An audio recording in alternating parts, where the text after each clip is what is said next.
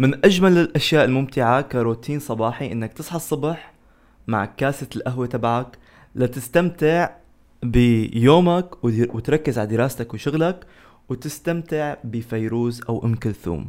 فايق يا هوا يمكننا سوا لنا قد الشوق. ولكن تخيل لو حرمت القهوة عنك. يا ترى كيف رح كان يتغير روتين صباحنا نحن؟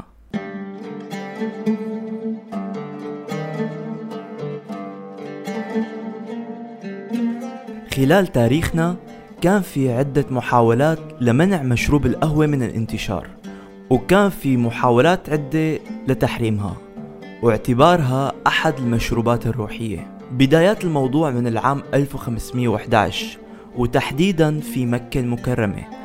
لما تم محاولة حظرها إيمانا من الحاكم الولاية بهذاك الوقت إنها بتحفز التفكير الراديكالي وبتحفز المعارضة ضده.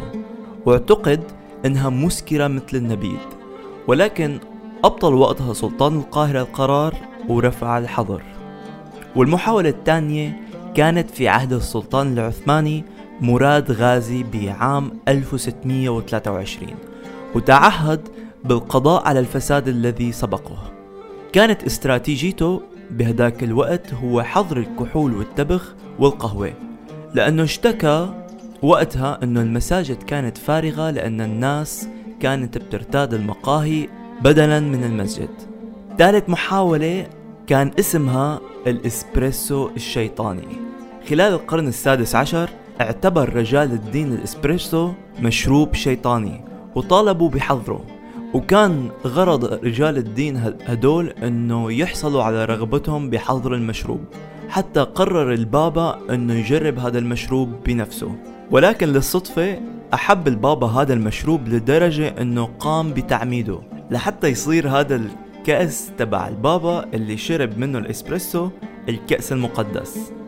وفي المرة الرابعة في عام 1746 حضر الملك جوستاف الثالث ونظامه بالسويد القهوة وأدواتها.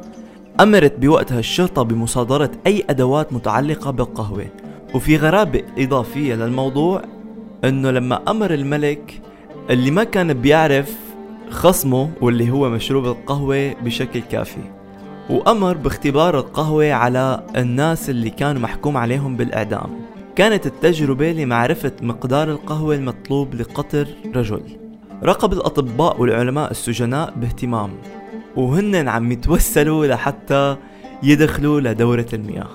لحسن حظنا بالنسبة إلنا جميعا إنه القهوة سادت عبر التاريخ والآن صار فينا نستمتع فيها وتخلينا منتجين وتمدنا بطاقة أكبر.